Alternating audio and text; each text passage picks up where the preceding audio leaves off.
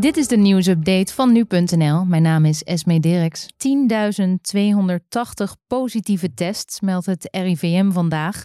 De cijfers bestaan deels uit meldingen van woensdag, want toen was er een storing.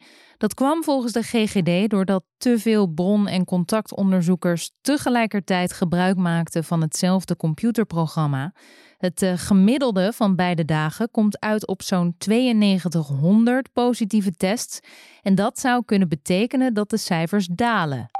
De 73-jarige man die zwaar mishandeld werd in het Arnhemse Spijkerkwartier is overleden aan de gevolgen daarvan. Hij werd woensdagavond op straat belaagd door vijf mensen en de politie heeft ze nog niet gevonden. Daarom worden getuigen gevraagd zich te melden. Het 15-jarige meisje uit het Noord-Brabantse dorp Berghem, voor wie een Amber Alert werd verstuurd, is gevonden in een huis in Den Haag. Dat meldt de politie. Zij was in het gezelschap van een 31-jarige man uit die plaats. Het meisje was sinds vrijdag vermist, maar volgens een woordvoerder van de familie is ze nu weer thuis en in goede gezondheid. Hij kan niet zeggen of de verdachte een bekende is van het meisje of de familie.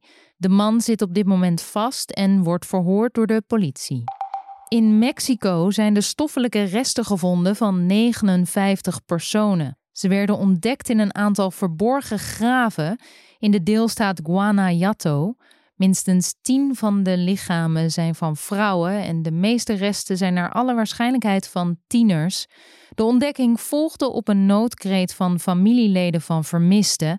Het aantal moorden daar is eh, behoorlijk toegenomen door verschillende drugsbendes die strijden om wie de baas is in de regio.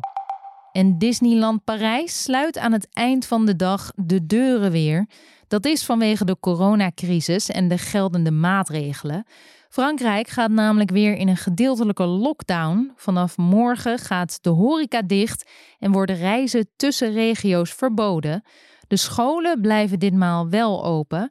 De lockdown duurt zeker tot 1 december. Disneyland heeft nog wel hoop dat het park met kerst open kan zijn. En neemt dan ook gewoon reserveringen aan voor die periode. Dit was de nieuwsupdate van nu.nl.